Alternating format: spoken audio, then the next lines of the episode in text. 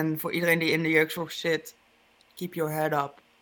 And you can do it. En er komen mooiere tijden aan. Want ook al zie je het nu niet, wat ik dan bijvoorbeeld had. Ehm, maar je kan, er, je kan echt iets moois van je leven maken, ook al voelt het soms even niet zo.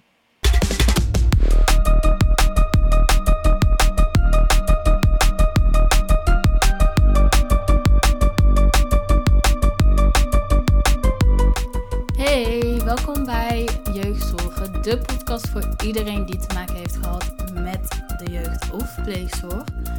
Vandaag is alweer de vierde aflevering. Gaat al best wel snel. Die heb ik vorige week vrijdag opgenomen. eh, samen met Maaike. Jullie hebben al een stukje van haar gehoord aan het begin van deze aflevering. Ehm, ja, ik vond het zo'n mooie boodschap. En voor degenen die dus niet tot het eind van de episode komen, dacht ik, nou, dat doe ik al een, eh, een teaser eh, van tevoren, zodat iedereen die nu in de jeugdzorg zit en in de pleegzorg, ehm, dat in ieder geval gehoord heeft. Ja, ik heb deze dus vrijdag opgenomen. Dus dit is ook de eerste verse aflevering. Omdat die van Maaike en Mark... Of Maaike. eh, die van Aisha en Mark... Die heb ik natuurlijk eh, opgenomen voordat de podcast überhaupt live was.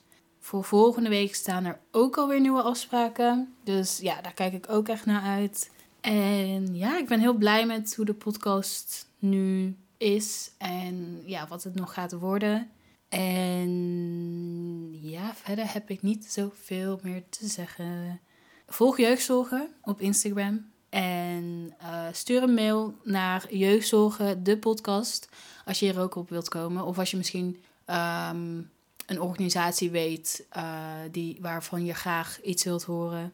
Of gewoon als je denkt van, eh, nee, ik stuur gewoon even een berichtje. Ook altijd leuk. En dan houd ik jullie niet meer langer op. Dit is de aflevering van Maaike.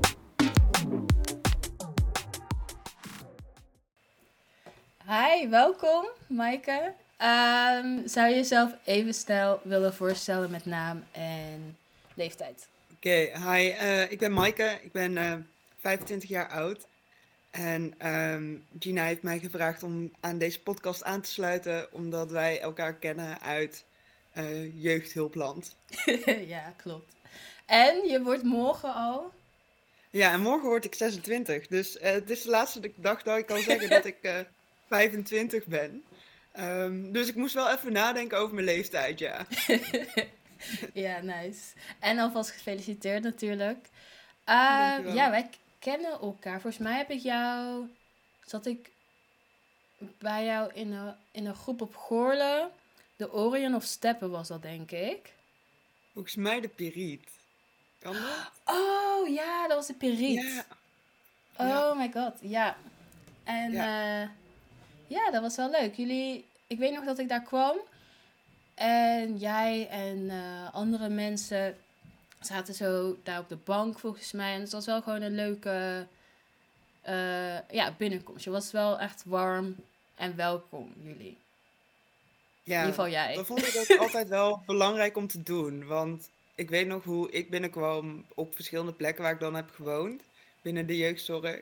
En dat was dan een beetje kil en zo. Dus ik wilde altijd wel iedereen meteen dat ze zich een beetje thuis gingen voelen. Ook omdat we daar gemiddeld zes tot negen maanden op die groep zouden zitten. Dus eh er was meteen, hey, hoe gaat het met je? Heb je vragen? Hier is de wifi. Eh, wat vind je leuk om te doen? Hele leuke gesprekken. Mhm. En natuurlijk het belangrijkste, want eh, zes van de acht die rookten volgens mij, was meteen wel de vraag, rook je ook? Oh en ik ja, weet nog dat jij niet rookte en toen was het, oh, oké, Oké, nou, bye. bye. Ja. Ja. Ja, ik weet, ja, inderdaad. En je liet alles inderdaad een beetje zien en vertelde hoe, ja, hoe het allemaal eh, daaraan toe ging, wat de regels waren, taken, alles. Dus dat was inderdaad wel eh, fijn. Dus dank je wel daarvoor. En gedaan. ook even kort iets over je hobby's. Wat vind je het leukst om te doen op dit moment? Het allerleukste wat ik vind is hardlopen. Eh, maar we nemen deze podcast op wanneer er sneeuw ligt en het super glad is. Dus helaas kan dat nu niet. Ehm, daarnaast hou ik heel erg van ehm, fitness, uh, muziek luisteren. En ja, wat ik eigenlijk. Het is niet echt een hobby, maar meer vrijwilligerswerk. Me inzetten Mhm. om de jeugdzorg te verbeteren. Dat is ook eigenlijk wel een kleine hobby. Nou ja, kleine hobby. Een, Een uitge- hobby. eh, ja, een hobby die is uitgegroeid tot heel veel vrijwilligerswerk. Ehm, om daarin heel veel te kunnen doen. En dat vind ik ook heel leuk. Daar haal ik zoveel energie uit. Ja, daar ga ik je later ook nog zeker meer over vragen. Wat is eh, jouw favoriete liedje? Oeh, ja. Ehm, echt mijn lievelingsliedje al van kleins af aan, die ik helemaal grijs kan draaien en helemaal kan meezingen, is I Would Stay van Cressip. Eh, dat is van hun oude albums, laat maar zeggen, voordat ze voor de- uit elkaar gingen en weer terug bij elkaar zijn gekomen. Dat liedje was al toen ik, ja, hoe oud was ik? Eh, dat was nog in mijn ouderlijk huis. Dus dat- ik was sowieso tien toen ik dat liedje voor de eerste keer hoorde. En vanaf toen is het mijn lievelingsliedje. In Ah, alles. nice. Ik ga hem opzoeken, want ik ken de naam en de band eh, zelf niet. Maar dan ga ik opzoeken hierna. En... Het is een Tilburgse band en ik Oh, kom nu uit die regio, dus ik vind het hartstikke grappig dat eh, ik fan ben van een band van de stad waar ik woon. ja, dat is Ook al ze cool. hier bijna allemaal niet meer, maar dat is Ja, iedereen verlaat eh Brabant op een gegeven moment. Heb ik Ja, het gevoel. Nou ja, ook. Dus ja, precies. precies. En wacht, jij, ja, jij woont nog steeds in Tilburg, toch? yes. Ehm, hoe heet dat? Sinds ik hier, sinds ik uit huis ben geplaatst, laat maar zeggen, toen ik Mhm. 16 was, toen ben ik in Tilburg eigenlijk op de eerste groep gekomen en de volgende groep was ook Tilburg. Daarna moest ik heel even buiten Tilburg op een groep geplaatst worden, want er waren bezuinigingen, dus alles ging dicht, er was nergens Mhm. plek. Het is heel gezellig, eh, not. En toen miste ik Tilburg best wel. Dus ik merk wel dat ik hier echt wel mijn wortels heb geslagen. Ook al heb ik op zoveel verschillende locaties in Tilburg gewoond, Mhm. dat het wel echt mijn hometown is geworden. Ook al ben ik hier niet geboren of zo. Nee, want ehm, ja, jij blijft dus voor altijd in Tilburg, denk je? Ja. Ja. Ja. Ja, ben ik- Zelfs als, mijn, als ik een relatie zou hebben en die wil naar een andere stad verhuizen, mag hij dat prima doen. Zonder mij. Mij krijg je niet meer weg uit Tilburg. Oh ja, daar ben ik stiekem wel jaloers op, inderdaad. Ik vind Tilburg ook echt gewoon een hele mooie, fijne stad. En ik denk misschien ook dat het, ja, nu ik er zo over nadenk, ehm, omdat er inderdaad verschil, op, dat ik inderdaad op verschillende plekken heb gewoond, dat het een stukje veiligheid en, en ik vind de vibe van Tilburg gewoon ontzettend nice. Ja, het enige nadeel is wel dat, omdat ik op zoveel verschillende plekken heb gewoond in Tilburg, op, in jeugdzorghuizen, laat maar zeggen, dat ik heel veel mensen daardoor ken die in huis hebben gewoond. En eh, helaas, sommigen die zijn echt een hele goede kant op gegaan, zetten zich in Hmm. voor de jeugd op te verbeteren of hebben hun leven echt helemaal op de rit. Want ja, hoe heet dat? Je hebt gewoon veel meegemaakt, dus soms lukt dat niet. En helaas zie ik ook soms oud eh, groepsgenoten die ik dan denk, och, wat ben jij, wat, wat is er met jou Mhm. gebeurd? Alsjeblieft, laat me je helpen, ga de goede kant op. Maar Mhm. die zijn al zo in de verkeerde stroming terechtgekomen. Wat ik deels ook wel begrijp door wat ze hebben meegemaakt en hoe het allemaal is gegaan. Maar ik vind het dan zo jammer om dat te zien. Dat vind ik dan wel het nadeel van nog steeds in Tilburg wonen. Je ziet nog heel Ja, veel snap ik. oud huisgenoten daarin. Goed en minder goed, helaas. Ja, dat is inderdaad eh, vervelend. En ja, inderdaad, je slaat dan slechte wegen in. En soms heb ik ook het gevoel dat je wel ehm, ja, door jeugdzorg op plekken wordt gezet, weet je wel? En dat dat je leven leidt. En dan Ja. niet om te zeggen dat eh, mensen inderdaad niet hun eigen keuzes maken, dat ook wel. Maar Ja, Ja. precies. Zoals bijvoorbeeld het voorbeeld, ehm, dat was toen heel jeugdzorg anders werd gefinancierd in plaats van via het Rijk door de gemeente. ja, Er werden zoveel Ja. bezuinigingen toen doorgevoerd. Toen moest ik tijdelijk op een dakloze opvang komen. En toen dacht ik, ja, maar ik wil hier niet eindigen. En ik ben wel, ik was toen ook wel gewoon een meid met heel veel problemen, laat maar zeggen. Waardoor ik ook me niet altijd fantastisch gedroeg. Dat durf ik nu ook gewoon over mezelf te zeggen. Want ik zat gewoon zo in de knoop met wat er allemaal was gebeurd. En wie ik was en waarom ik hier zat. En het voelde echt alsof ik de schuldige was. Uh, wat ook deels wel zo was, maar niet 100%. Mm ehm, en toen dacht ik, ja, maar nu zit ik in een dakloze opvang als jongere, wel vanuit jeugdzorg. Maar ik wil hier later nooit meer terugkomen. Want ik wil gewoon een stabiele toekomst mm. voor mezelf gaan creëren. Want al die mensen die ik daar zag, zag ik als voorbeeld van: dit is echt een no-go wat ik wil worden. Als, uh, hoe heet dat? Als een dakloze, laat maar zeggen. Ehm, en natuurlijk, sommigen komen daar door omstandigheden. Maar daar zaten ook helaas wel mensen tussen dat ik dacht: ja, je hebt gewoon heel veel zorg nodig. Mhm. En toen ben ik me eigenlijk wel echt gaan onder, uh, mezelf gaan proberen te verbeteren om een goede toekomst te krijgen. Dat was natuurlijk wel lastig, want er was heel veel gebeurd. Maar ja, yeah. het is me wel gelukt. Ja, zeker. Enorm. Maar um, ik sprak, eh, de vorige podcast was met Aisha, dat is al een tijdje geleden. Maar zij zei zo van, ja, ik keek naar jou op en um, jij was dat voor mij, zeg maar. Toen ik op die groep kwam en jij was zo, weet je wel, zo begeleidend en alles. En toen dacht ik, oh, you know, zij heeft echt uh, alle shit together. en later ook, ja, jij was uh, met alles wat zeg maar aankwam om iets, uh, om de jeugdzorg te verbeteren, zoals de Unforgettables of Welkom bij de Jeugd, dan pakte jij meteen aan en was van, oké, dit, dit ga ik doen, weet je wel. En um, ook, ja. we deden op de groepen, dan, dan moest er van elke groep iemand komen en dan waren er meetings. Ja, de jongerenraad. Oh, de jongerenraad. Ja, precies. Daar was jij ook altijd. Uh, ja, toen was ik uh, volgens mij nog jongerenraadslid, totdat de oude voorzitter wegging. Toen werd ik voorzitter. toen ging ik weg, uh, woonde ik niet meer bij Starkhuis, maar mocht ik er nog wel bij blijven, wat ik heel leuk vond. Toen ging ik stage lopen bij de organisatie. En toen kon ik gewoon de ondersteuner worden. Dus ik heb gewoon alle rollen van de jongerenraad. Echt. En ik heb hem nog steeds, want de jongerenraad is gewoon mijn kindje. ik ben nu de ondersteuner van de jongerenraad. En ik vind het zo leuk. En de jongeren vinden mij zo leuk. Want, nice. Uh, ze, hoeven bij mij ze mogen bij mij ongezouten mening geven over wat ze willen.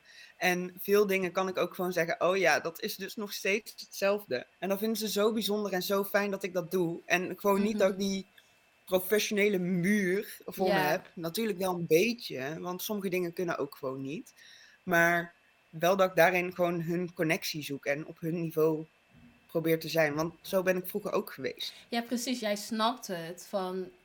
Ja, ja je snapt het omdat je het zelf hebt meegemaakt. Maar oké, dan uh, kunnen we denk ik wel een beetje in op jouw verhaal. Want hoe is de jeugdzorg bij jou in het leven terechtgekomen? Ja, uh, lange of de korte versie? de lange versie, ja.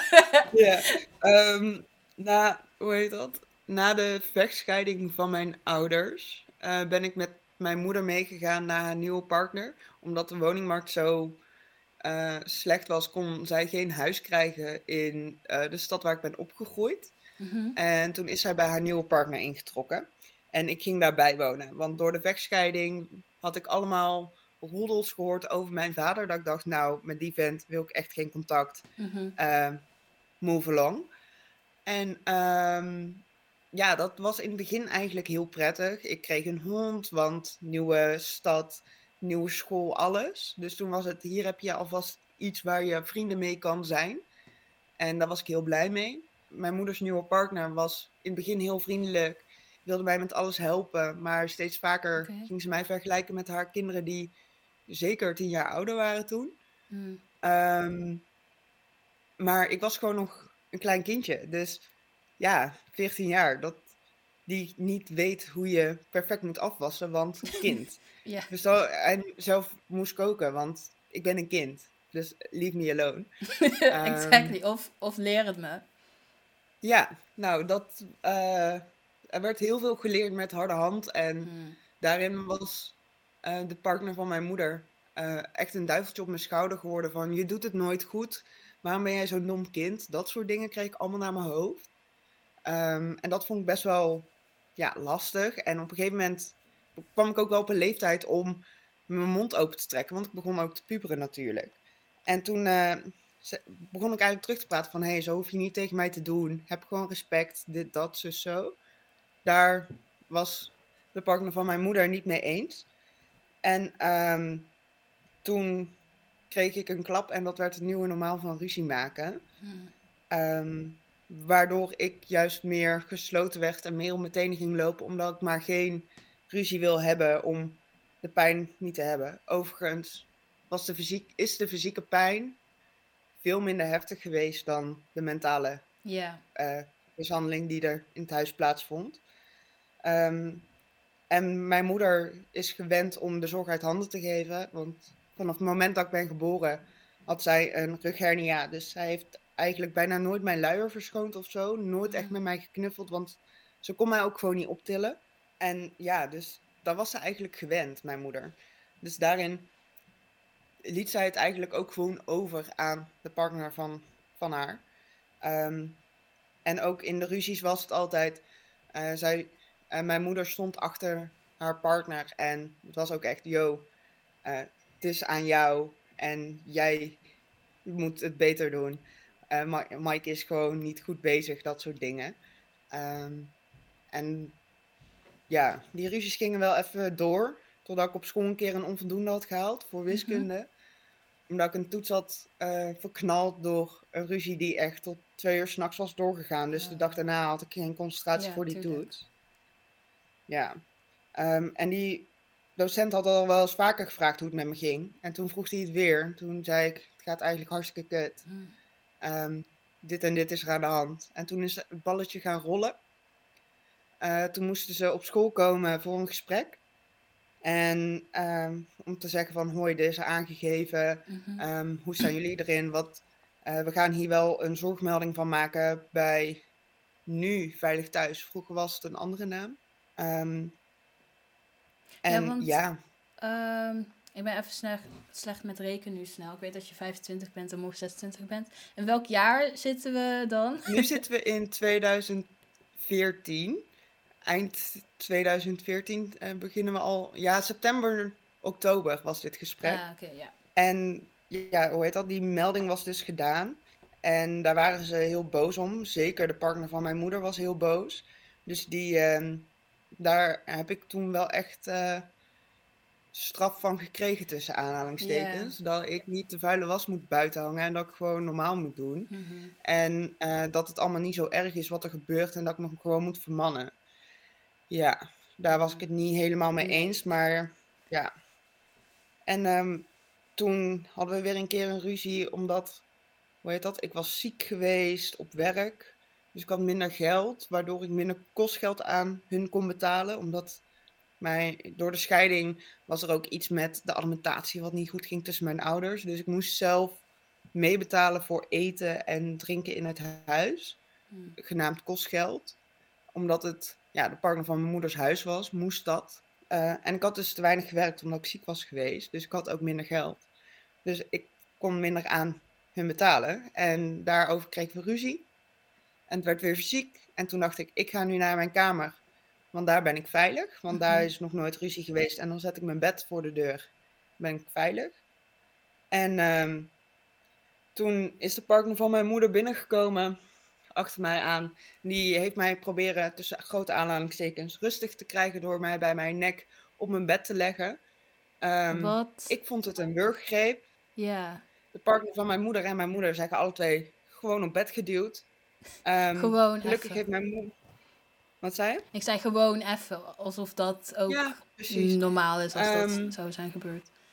Mijn moeder heeft eh, haar partner van me afgehaald en zijn met z'n tweeën naar beneden gegaan. En ik was aan, aan het kruisen als een klein Mm. kind en aan het bijkomen naar lucht.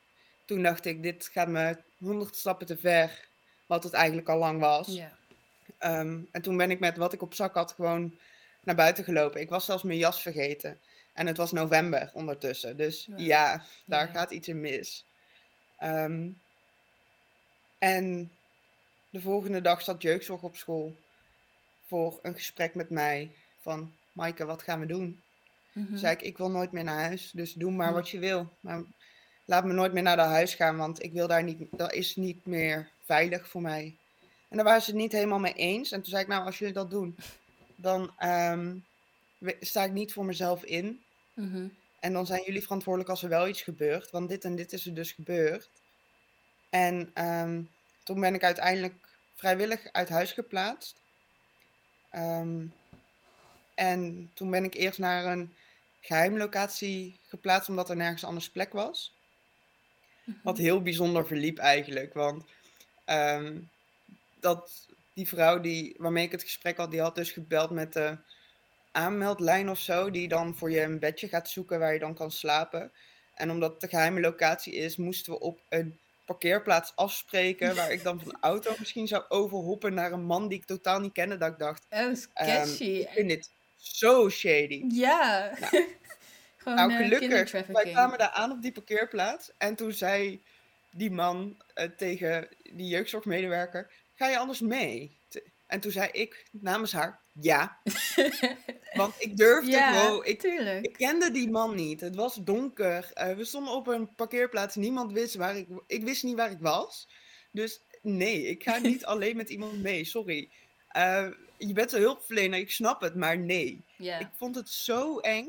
En ook en fijn dat hij het we daar bij het huis aan. Wat zei je? Oh, en ook fijn dat hij het vroeg. Ja, zeker. Ja. Nou, en toen kwamen we daar bij het huis aan en daar, ja, daar was dus gewoon een veilige opvang. Eh, met allemaal moeders en kinderen en dat soort zaken. Ehm, waar ik gewoon totaal niet op mijn gemak was. Want ja, waar kwam ik uit? Uit een situatie met ouders die gewoon niet ideaal was. Mhm. Ehm, dus ik wilde eigenlijk ook niet daar zijn. Ehm, en toen heb ik tegen de begeleiding verteld dat ik die locatie had verteld. Terwijl ik dat niet had gedaan, want ik zag wel wat voor mensen daar binnen zaten en dat hun veiligheid echt gegarandeerd moest zijn. Mhm. Dus ik heb tegen begeleiding gelogen en gezegd: Ik heb de locatie verteld, waardoor ik weg moest. en toen kwam ik op. Ja, ja, Ik ga stuk. een om best wil. ja, precies. Working the system. Ja. Ja, ik heb hem natuurlijk niet echt verteld, want dat kan gewoon echt niet. Want ik zag wat voor vrouwen daar binnenkwamen en ehm, hoe hoog soms hun, risi- hun veiligheidsrisico was, en hoe onveilig het was. Ja, denk niet dat ik dan het op het spel ga zetten door het tegen iemand te vertellen, want nee. Ehm, en daardoor mocht ik weg en werd ik op een jongerengroep geplaatst die op 29 december dicht zou gaan. Ehm, en daar kreeg ik ook een andere jongen bij die eh, ook daar als crisis zat, laat maar zeggen. Dus die Mhm. tijdelijk uit huis was en mogelijk weer terug zou gaan. Ehm, die, en die groep ging toen dicht. Toen moest ik naar een dakloze opvang en hij En is ook lang- ergens anders geplaatst. Hoe lang zat jij daar dan? Want 29 december ging die dicht en jij kwam aan op. Oh, eh, ik kwam daar aan eind november en 19 december ging die dicht. Oh, 19. Oeh. En ja. ehm, ja, hij ging toen ergens anders naartoe en ik ging naar een dakloze opvang toen daarna. En daar hadden we het best wel oké naar ons zin. We leerden daar koken, we leerden daar Hm. eh, echt op een fijne manier. Wat ik thuis, laat maar zeggen, nooit heb gehad, leerde ik daar wel hoe je moest koken. Want ik deed dan iets verkeerd en toen zei ze, het is beter om het zus en zo te doen, want dit en dit en dit. En toen zei ze, het maakt voor nu niet uit. Morgen gaan we ja. opnieuw oefenen. Heel vriendelijk en niet meteen. Je bent echt een. Ja, Ze zeiden precies. niet dat ik een nietsnust was of waarom kan ik nou niks? Dat soort dingen. Dus daar was ik echt heel blij mee. En toen moest ik naar de dakloze opvang, want er was nergens anders plek. Mhm. Ehm, dat was geen leuke plek. nee. Ehm, want het was ook winter, dus er kwamen ook, hoe heet dat? Dan moet ook iedereen worden opgevangen, want als het onder nul is, dan vries je gewoon dood Ja. als je buiten bent. Dus iedereen mocht ook naar binnen en dat zorgde wel soms voor bijzondere situaties, zal ik het zo zeggen, dat ik me niet echt veilig voelde of zo. Mhm. Ehm, en ja, mijn ambulante hulpverlener die belde me wel toen iedere dag om te vragen hoe het met me ging. En ik zei, alsjeblieft, wanneer mag ik hier weg? Ik voel me hier zo Mhm. niet op mijn gemak. Ik voel me niet eens veilig hier. Mhm. Help me. En toen heb ik kerst gevierd daar en oud en nieuw. En iedere dag, ik wilde ook gewoon niet beneden eten of zo. Want ik vond die mensen allemaal een beetje eng. Als 16-jarig meisje. Eh, bijna 17 jaar toen. Ehm, en toen, ehm, hoe heet dat, heb ik... Mijn kerstdiner was brood met pindakaas. En ik haat pindakaas. Maar die, eh, stond open in de keuken daar. Dus die kon ik meenemen naar mijn kamer om tenminste iets te eten. Mhm. Ehm, en oud en nieuw heb ik eh, niet eens afgeteld tot nieuwjaar. Omdat ik dacht, ja, weet je, het boeit niet. Dit nieuwe Ja. jaar wordt sowieso niet leuker dan het oude jaar. Want het is altijd even irritant geweest. En Mhm. kijk waar ik zit. Dus ik voelde me toen best wel vervelend. Ja. En toen eh, mocht ik eindelijk daar weg op mijn verjaardag. 20 Mocht ik anderhalf uur met mijn... Ja, precies. Toen mocht ik met mijn moeder in de auto zitten. Anderhalf uur met al mijn spullen. Dat ik dacht, ja, hier heb ik echt zo geen behoefte aan op mijn verjaardag. Ik had zo graag leukers gedaan. Ja, Ehm, snap ik. en toen kwam ik op de groep aan. Kregen we een gesprek. En toen vroeg ze eerst aan mij, en wat wil jij? Toen zei ik, nou, ik wil eigenlijk nu eerst een sigaret roken en dan mijn moeder weggaat. Ehm, ik ben helemaal klaar, nu al, voordat dit gesprek überhaupt is begonnen. Mhm. Leave me alone. Ehm, en ik had toen een mentor die. Achteraf vind ik haar heel leuk, maar toen had ik echt. Oh, ik vind jou nu al niet leuk. Je gaat met mij mee naar buiten, je hoort me uit en daarna vertel je tegen mijn ouders. Ja, nee. Oh. Ehm, maar nu vond, vind ik haar fantastisch. Maar toen op dat moment vond ik haar niet zo leuk. Want ze zei van, ja, alleen als je toestemming hebt van je ouders mag je roken. Toen dacht ik, dat denk ik. Ik heb net anderhalf uur met mijn moeder in een auto moeten zitten. Ik, ben, ik moet roken. niet met elkaar. Geef me even mijn rust en alleen tijd. Ik wil gewoon heel even muziek luisteren en chillen. Mhm. En even bijkomen voordat ik dit gesprek in moet. En toen ehm, ging ik mijn eigen intakegesprek voeren. Want ik wist alle vragen die ze gingen stellen. Omdat ik al zo vaak op een andere plek had gezeten. Mhm. Eh, en opnieuw moest kennismaken en zo'n kennismakingsgesprek moest doen. Dus ik ging gewoon eigenlijk heel mijn eigen kennismakingsgesprek voeren. En alle antwoorden al geven voordat ze de vragen gingen stellen. Eh, dat vonden ze wel een zorgenpuntje. Dat ik dacht, ja, no shit Sherlock. Ja. Ja. Ehm, en toen vroegen ze wel aan het einde van het gesprek: gaan jullie nog iets leuks doen met z'n allen? Want je bent jarig. Ik zo: Mm, nee. Ik wil naar mijn kamer en ik wil eigenlijk helemaal niks meer doen. mhm. Ik had toen zo geen zin meer in mijn verjaardag. Ik vond het zo'n rot verjaardag Ja. eigenlijk. Ehm, maar ja, dat was toen dat. En daar, hoe heet dat? Omdat ik, zo va- omdat ik best wel in een korte tijd op veel verschillende plekken had gezeten, dat ik dacht, ja, als ik het hier weer verpest, ga ik toch weer naar de volgende. Mhm. Dus mijn eerste ruzie daar was meteen, oké, bel maar weer iemand die mij dan weer gaat verplaatsen. Want Mhm. ja, ik ben gewoon hier nu klaar mee. Dus doe lekker je ding, mij niet bellen. Wa- waren deze groepen al in Goorlen of waar zat je nu? Nu zat ik al op de Piriet, waar jij toen later bij Ah, ja, bent gekomen. Ja, ja, daar heb ik even een goed beeld bij. Ja. Ehm, hoe heet dat? Daar was het ook. eh, die groep heeft ook gezorgd dat ik weer contact kreeg met mijn vader. Wat ik heel fijn vond. Ehm, want ik moest met hem gaan praten. En toen dacht ik, ja, waarom moet ik met hem gaan praten? En Mhm. toen noemde ik allemaal redenen op waarom ik niet met hem wilde praten. En dat waren Mhm. allemaal leugens. Dus wij gingen even hard tegen hard met woorden. Ik en mijn vader. En dat heeft ervoor gezorgd dat we het eigenlijk hebben uitgesproken. En dat ons contact weer helemaal is hersteld. nice. eh, dankzij de groep.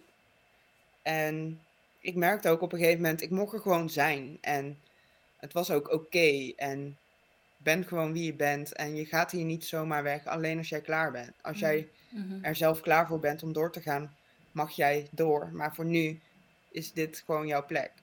En dat vond ik heel fijn. Eh, zij waren daar heel prettig in. En ehm, ja,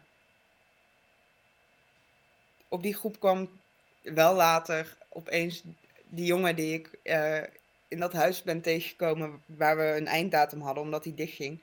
Die had toen een hele andere route gelopen en hij kwam toen ook op die groep te wonen. En toen dachten we echt, zeiden we ook tegen elkaar van, wauw, wij komen nu met elkaar op dezelfde groep. Terwijl we echt een hele andere route hebben gelopen. En hij zei tegen mij, je bent echt hard geworden Oh, wauw. toen. Hm. En ik zei, ja, jij ook. We waren allebei een beetje, eh, hoe heet dat? We hadden heel veel rondgehopt allebei, maar niet op dezelfde plekken gezeten tot Mhm. toen. En toen, eh, ja, dat was best wel bijzonder om zo elkaar weer opnieuw tegen te komen of zo. Mhm. En meteen in elkaar te herkennen van wauw, jij bent veranderd. Ehm, Ja, ja, want je wordt ook Ja. ehm, een soort van ehm, ja, dat je dingen niet binnen laat komen, weet je wel inderdaad. Dat je Ja. er, er gebeurt zoveel om je heen dat je op een gegeven moment moet zeggen, oké, dit laat ik binnenkomen en dit niet en anders kan ik ook niet door met mijn leven. ja, precies. Dat Ja. Ken ik die En dat was- persoon trouwens? weet ik niet. Oké. Kan, je, kan je zijn eh, naam eh, appen? Ja, want ik wil dat niet benoemen, Nee, nee, want nee. dat is niet aan mij, vind ik. Ehm, ik weet niet of jij hem kent.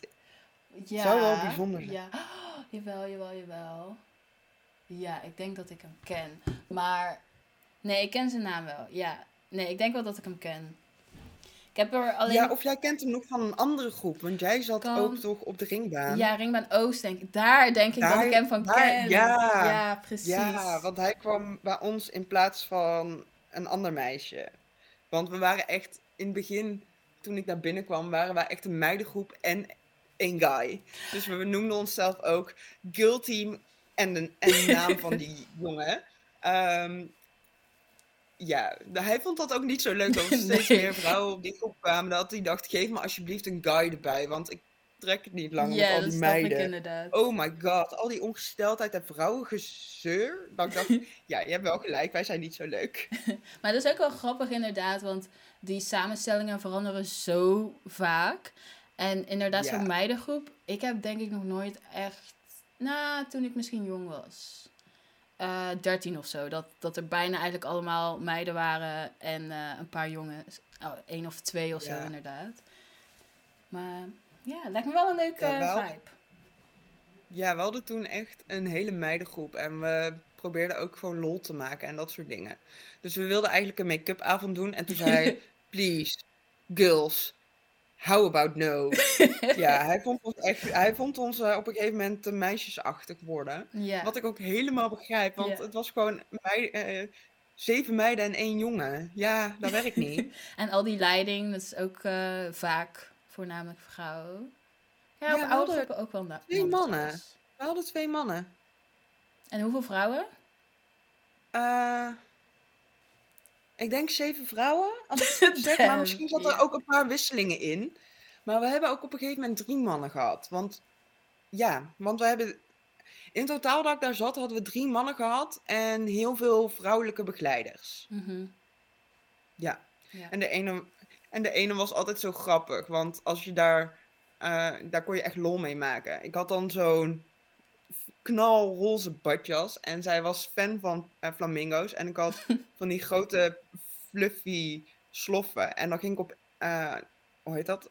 Aangeven van, yo, ik ga zo slapen, wel rust, ik ga naar mijn kamer. En dan ging ik op één been staan met mijn handen eh, opgekropt naast me als een flamingo. En dan zei ik, flamingo uit. En dan moest ik keihard lachen en dan huppelde ik lekker weg. En ja, dat was echt wel leuk om ook weer een beetje kind te zijn. Omdat, Ja. ja, door alles wat je meemaakt, stopt dat ook gewoon een beetje kind zijn en puberen en zo. Mhm.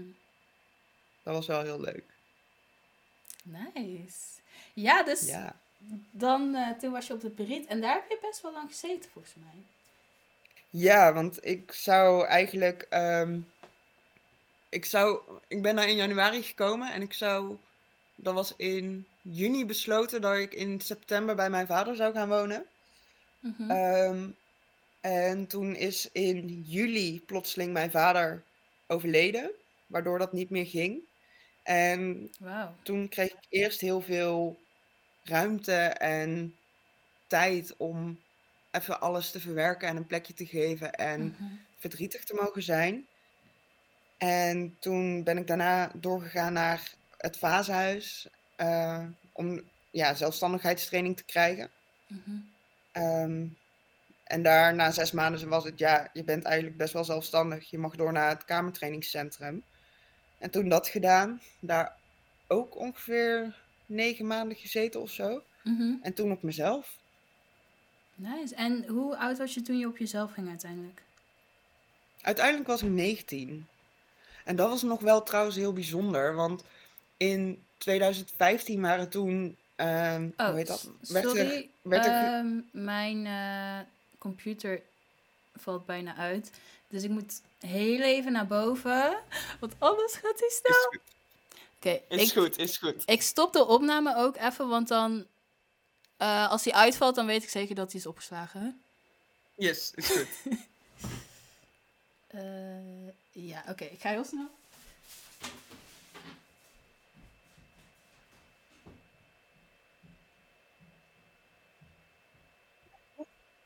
Ehm, sorry.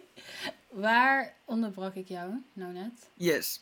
Het, ehm, hoe heet dat? Dat was dus dat ik op het kamertrainingscentrum zat. Eh, ik was Oh, ja. 18, zoals velen in dat huis. En ehm, toen kwam eigenlijk het probleem dat wij allemaal een nieuwe indicatie moesten regelen. Dus, eh, hoe heet dat? Dat wij nog recht hadden op de zorg die we hadden. Ehm, Mhm. Maar omdat in 2015 was dat dus allemaal opnieuw ingericht. En onze postcode, die hoorde nergens bij. Dus dat gaf super veel stress. Want we moesten alle zes, volgens mij, ehm, een nieuwe beschikking aanvragen. Ehm, en dat ging eigenlijk allemaal best wel moeilijk. En ik zat toen al bij Samen met de Mhm. Jeugd. Dat is zo'n jongerennetwerk in Tilburg voor participatie. En ehm, toen, hoe heet dat? Toen heb ik haar gewoon gebeld van... Oké, help. Het gaat om mijn huis. Ik ben hier super gestrest over. Ik heb nu hulp nodig om te weten waar ik moet zijn. Om te regelen dat ik hier gewoon nog even kan wonen. Want ik heb de hulp nog nodig. En toen Mhm. ben ik Want daarin geholpen. Even, ik, ik snap het niet heel goed met eh, de postcode, die hoorde nergens bij. Hoe, hoe zit dat? Wat zei je? Je haperde een beetje.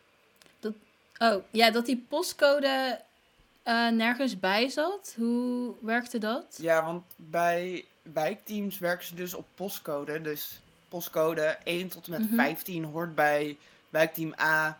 2 tot en met 30 hoort bij wijkteam B. Ehm. En iedereen zei nee, je hoort bij dat wijkteam. En dat wijkteam zijn weer dan nee, je hoort bij het andere. Dus echt gewoon kastje muur, kastje muur, kastje Mm. muur. En niemand nam verantwoordelijkheid.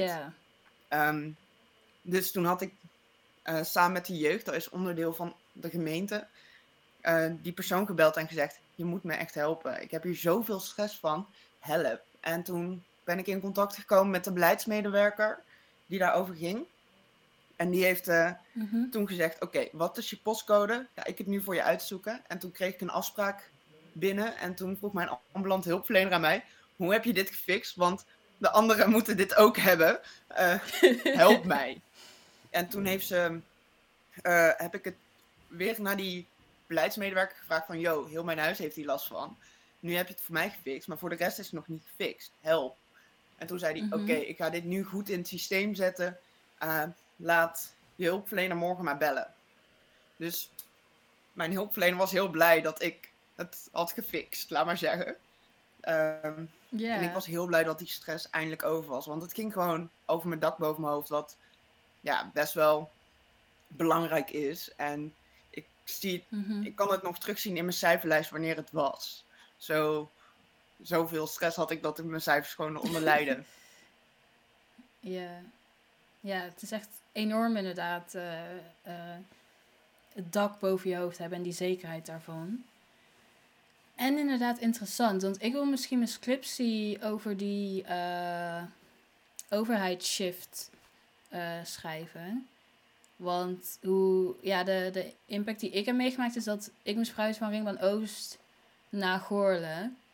Eh, omdat ze inderdaad niet genoeg financiën hadden. Maar ook interessant om te zien van de mensen die dan juist net uit de pleegzorg of de jeugdzorg willen om een huis eh, te krijgen of, you know, zorg eh, nog te ontvangen. ja. Interesting. ja, dat was Ja. gewoon echt heel uniek. Wacht even, mijn laptop moet ook aan de oplader. Zie ik nu.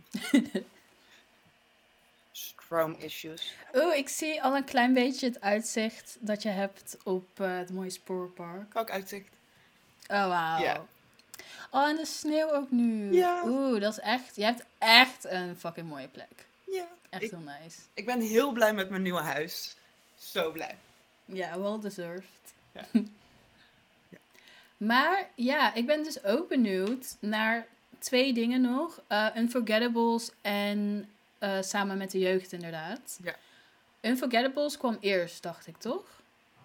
Um, was jij toch... Nee, daar was jij niet mee in meegegaan. Dat was een ander meisje. Uh, die vraag kwam binnen bij de jongerenraad toen ik nog voorzitter was van de jongerenraad. Van, hey, ze willen een land... Het Vergeten Kind wil een landelijke jongerenraad oprichten met jongeren uit jeugdhulpland. Um, en toen dacht ik, ja hoor, daar wil ik wel aan meedenken. Jij dacht, yes, this is me. Yes. En toen kennismakingsdag gehad, toen vroegen ze, vind je het leuk? En ik had daar alleen maar gelijkgestemden uit heel het land. En ik vond het zo'n fijn gevoel, zo'n fijne vibe. En um, toen ben ik daar dus bij gegaan. En dan hadden we één keer per jaar volgens mij, of ja, één keer per jaar een trainingsweekend om zelf vaardigheden te leren hoe je moet presenteren, debatteren. Um, en mm filmpjes moet maken, want al hun events, daar maken ze altijd een recap video van. Um, en dat soort dingen mocht, mocht je dan leren. Maar ook om te debatteren en hoe moet je jezelf presenteren voor bijvoorbeeld een campagne die ze hadden. Um, want ze hebben ooit een campagne gehad over de maatschappelijke opvang, dus de dakloze opvang, dat het niet oké is om daar jongeren mm-hmm. in te plaatsen. Um, en daar heb ik toen naar meegedaan. Uh, daarin, ze hebben ook heel veel connecten met uh, de landelijke media, dus bijvoorbeeld talkshows en dat soort dingen. Dus daar mocht ik dan soms ook in mee. Um, ja, ik heb echt veel dingen van jou uh, daarvan gezien. Dat is echt mooi. Ja, same. Het is ook gewoon insane als iemand zegt: Ik heb ooit een krantenartikel over jou gelezen. En dat ik dan gewoon moet vragen: Wanneer? Waarover ging het? Want Welke? krantenartikel ja, gedaan dat ik denk: I don't know. Ja. Of als iemand tegen mij zegt: Ja, ik heb je bij een talkshow gezien. Ja, welke? En welk jaar? Want ja, ik ben al twee of drie keer bij Late Night geweest. En mm -hmm. één keer bij koffietijd. En live tv vind ik toch altijd wel wat moeilijker dan uh, niet live. Want niet live, dan kan er nog ingeknipt worden. Dat vind ik altijd fijn. Yeah. Maar live tv... Uh, mijn eerste keer was namelijk koffietijd. En um, -huh. dat vond ik heel spannend. En toen werd er nog een bedankfilmpje ingestart door een van de ambassadeurs.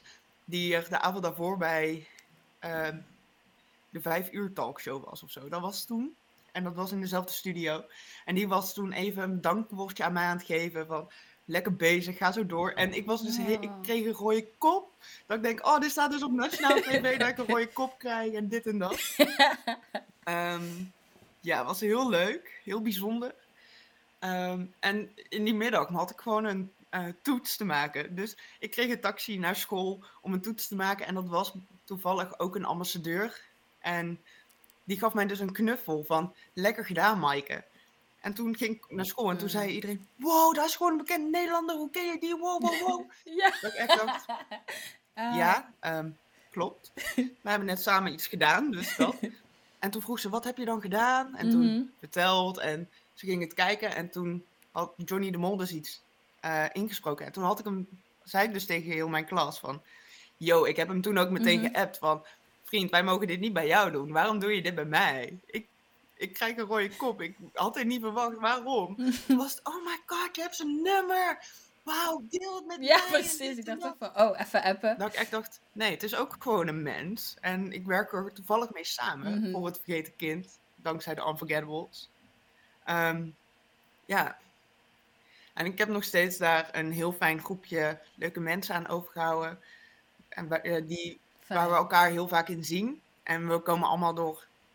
We wonen allemaal door heel het land. Dus dat is ook wel leuk. Dan ben je één keer met z'n allen in bijvoorbeeld Nijmegen of in Tilburg of totaal ergens anders. Dus dat is wel leuk. Oké, okay, interesting. Ja, dat is echt, echt super vet. En samen met de jeugd, hoe uh, is dat gekomen? Uh, ja, dat was eigenlijk al toen ik bij de jongerenraad in uh, bij de zorginstelling zat toen hadden ze veel contact met ons en ze organiseerden heel veel evenementen zoals uh, de Kinderrechtendag en um, hoe heet dat? Ze wilden graag ervaringen ophalen van jongeren via inspiratiecafés. En uh, daar -hmm. sloot ik allemaal bij aan. En toen wilden ze ook hun eigen raad opzetten, genaamd de Jeugdwelzijnsraad. En toen was ik net begonnen aan mijn stage, dus was ik geen jongere raadslid meer.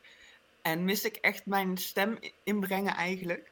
En toen had Mhm. ik eh, gezegd van, nou, eigenlijk heb ik zelf heel veel interesse in deze ehm, raad om aan deel te nemen, want dit is mijn jeugdzorgervaring. Ehm, mag ik alsjeblieft lid worden? En in 2019 ben ik toen daarvan lid geworden. En daarin geef ik nog steeds, eh, mijn deel ik nog steeds mijn ervaringen en mijn adviezen als er een vraagstuk binnenkomt. En die vraagstukken zijn echt zo verschillend Mhm. iedere keer. Maar wel heel mooi dat de gemeente hierin eh, zo betrokken wil zijn aan innovatie, maar wel met inspraak van jongeren. Ja.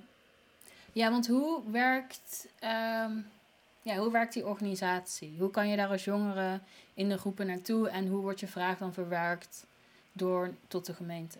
Ja, het is eh, een regionale jongerenraad eigenlijk, dus in de regio Hart van Brabant. Mhm. Ehm, ze proberen vanuit iedere, ieder dorp en gemeente in de regio Hart van Brabant jongeren te hebben die eraan eh, deelnemen. eh, met jeugdhulpervaring. Mhm. En dan eh, komen vaak beleidsmakers of nieuwe projecten komen dan langs bij de Jeugdwelzijnsraad voor input. Van bijvoorbeeld, ze willen een. Oh, we hebben zoveel thema's al gehad dat het ook gewoon moeilijk is om een goed voorbeeld te nemen. Ehm, Mhm. ja, het is heel lang over school gegaan en hoe je die combinatie kan maken met zorg. Want de meeste jongeren zitten op school. Ehm, en daarin hebben we dan ook onze adviezen gegeven, wat wij bijvoorbeeld vinden van eh IB'ers, dus eh, hoe heet dat, de zorgcoördinatoren en dat soort dingen. En hoe we dat dan ook voor ons zien. En ook vaak een kritische noot gegeven van, maar wat dan met de jongeren die niet naar Mhm. school gaan? En daarin hebben we wel dan op een gegeven moment ook aangegeven van... hé, hey, we hebben nu al acht keer of zo gepraat over een onderwerp wat gekoppeld is aan school. Ehm, is er toevallig, kunnen we daar ook een beetje wat minder in doen... en misschien ook wat andere thema's bespreken? Want het is best wel eh, veel schoolgericht. En dat vonden we op een gegeven moment niet zo Mhm. fijn. En daar werd ook naar geluisterd, dus we deden toen minder schoolthema's. Ehm, afgelopen jaar stond het in het thema van, s- was er een hoofdthema gekozen, namelijk me- mental health. Ehm, en toen hebben wij als jongeren, met ondersteuning van de gemeente natuurlijk, samen met de jeugd, een festival georganiseerd, het vak Genfest, om ehm, ideeën op te halen en verbeterpunten op te halen over mentale gezondheid. En met jongeren, het was door jongeren voor jongeren gemaakt. En daarna hebben we een eh Fix-It Fest gehad. Van hoe gaan we dus al deze dingen fixen. Daar waren heel veel jongeren bij aanwezig. En ook beleidsmakers, grote zorgorganisaties en dat soort zaken. En die hebben toen onder die Mhm. pijlers die we hadden gemaakt... eh, hun handtekening gezet van ja, hier willen we ons ook hard voor maken. Dus dat was eigenlijk heel fijn en heel mooi dat we eh, zoiets moois, groots konden neerzetten. Dankzij de hulp van Samen met de Jeugd en die agency was dat volgens mij. Dat is een, eh, oh ja, ik weet even niet meer precies wat hun... Zij zijn een heel creatief bedrijf. Ehm, en Samen met de Jeugd liet ons ook echt heel erg los in... Hoe willen jullie dat eruit gaat zien? Wat willen jullie doen? En dat soort dingen. Dus dat was wel heel fijn. Ja, dat is, ja, dat is echt fijn. Inderdaad. Ja, ik wil ook zeker met eh, ehm, ja, de lijster, oprichter, zeg maar, praten. Want ik was zelf inderdaad ook bij die... ehm, ik weet niet hoe je dat net noemde, maar dat was dan inderdaad één keer per maand. En ik noemde dat altijd pizza-avonden, zeg maar, die pizza-bijeenkomsten. Ja, dat was altijd inderdaad wel gezellig en inderdaad praten over dingen eh, die me interesseerden. En ja, gewoon van dit gaat er nu niet fijn of waarom doen ze op groepen dit zo. eh. ja, het was wel eh, nice om daar inderdaad je stem te kunnen laten Ja. horen. Ik eh, zal je, hoe heet dat? Ik zal haar contactgegevens naar jou appen. En ah, nice, thank you. hoe heet dat? Toen zij stagiaire was, heeft zij dit opgericht. Dus dat vind ik wel heel vet dat we al zo ver teruggaan dat ik haar nog ken als stagiaire. Ehm, en ze doet het nog Mhm. steeds en daar ben ik zo blij mee, want zij is zo fantastisch daarin. Ehm, helaas is ze nu al een paar maanden op vakantie om even weer de rust te creëren. Ehm, maar ja, ja, als het terug is, dan ga ik jou connecten met haar. En ik hoop dat, ja, zij is echt Nice. hard voor participatie. En ze, ze zorgt voor Ja, een heel enorm. mooi voorbeeld voor de rest van, de van Nederland eigenlijk. En misschien zelfs binnenkort, omdat we bezig zijn met uitwisselingsprojecten naar, naar het buitenland. Eh, misschien zelfs ook straks voor het buitenland. Oh, ja. Want hoe werkt dat dan? Ehm, Wat eh, is het doel? sorry, kan je de vraag herhalen? Of mag je de... Oh ja, sorry. Hoe werkt dat en wat is het doel? Dus naar welke, ja, naar welke organisaties willen jullie gaan in het buitenland? Ehm, dat zijn we nog eigenlijk aan het onderzoeken. Want bijvoorbeeld ehm, Scandinavië ligt heel ver voor op participatie dan andere Europese landen. Ehm, Mhm. dus daar willen wij eigenlijk zelf inspiratie vandaan gaan halen. Maar er zijn ook andere landen waar wij juist inspiratie kunnen brengen. Eh, en dat zijn we nog aan het onderzoeken waar we dat willen. En het voordeel is wel, ehm, vanuit de Europese Unie is er ook een subsidie voor ehm, dit soort trips. Eh, volgens mij dat de Erasmus. N- nog iets. Iets met Erasmus, dat weet ik toevallig. Ehm, nee, nee, nee. Dat is een soort? Erasmusbeurs of ehm, waardoor Ah, je oké. gesubsidieerd op ehm, uitwisseling kan. Om dit soort dingen te doen. Dus heel veel, eh, ja, dus heel veel eh, leuke positieve dingen in de toekomst om eh, de jeugdzorg en pleegzorg te verbeteren. Nou ja, voornamelijk nu jeugdzorg. Nice. Ik denk dat we een beetje moeten gaan afronden. Eh, tenzij je langer door wilt gaan. Ik heb nog wel een paar minuten als je wil. Oké. ehm, ja, wat? ehm, aan het eind stel ik ook altijd een vraag van wat jij zou willen veranderen aan de jeugdzorg als je kijkt naar je eigen ervaring. Maar eh, volgens mij deed jij dat al vanaf moment één dat het kon. Ehm, dus ja, misschien wil je die vraag ook beantwoorden, maar ook misschien wat wil je meegeven aan jongeren die nu in de groepen zijn. Ehm, Ja. ja. Ehm, het liefste wat ik ieder kind wens, is dat ze nooit in de jeugdzorg hoeft te komen te wonen. Want dan betekent dat er geen heftige situaties plaatsvinden bij jongeren. En dat ze Mhm. gewoon fijn en veilig kunnen opgroeien. Als dat niet mogelijk is, eh, wil ik graag dat ieder kind op een fijne plek terechtkomt. Voor hem of haar passend. Ehm, dan wel in de Ja. pleegzorg met genoeg begeleiding erbij indien nodig. Of op een groep als een jongere liever niet in een gezin wil wonen. Ehm, waar begeleiding samen met jou werkt. En ehm, waar jij centraal staat. En niet je problemen centraal staan of je ouders de keuzes hebben. Maar dat er echt met je wordt gekeken. Mhm. Ehm, en dat een jongere daarin ook vrij is om mee te beslissen van naar, naar welke plek wil ik dan. Want misschien woon je in de regio Hart van Brabant, in, in bijvoorbeeld in Waalwijk. Dat is een stukje verder weg dan Tilburg. Maar moet je op een groep komen te zitten in Tilburg, Mhm. waardoor je ver weg bent van je netwerk. Dat vind ik dan altijd wel jammer. En eh, mij lijkt het dan wel belangrijk dat hulpverlening ervoor zorgt dat je veel in je netwerk kan zijn.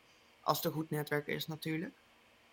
Ehm, dat wens ik eigenlijk Ja. iedereen een beetje toe. Om zo normaal mogelijk te leven, ook al woon je in de jeugdzorg.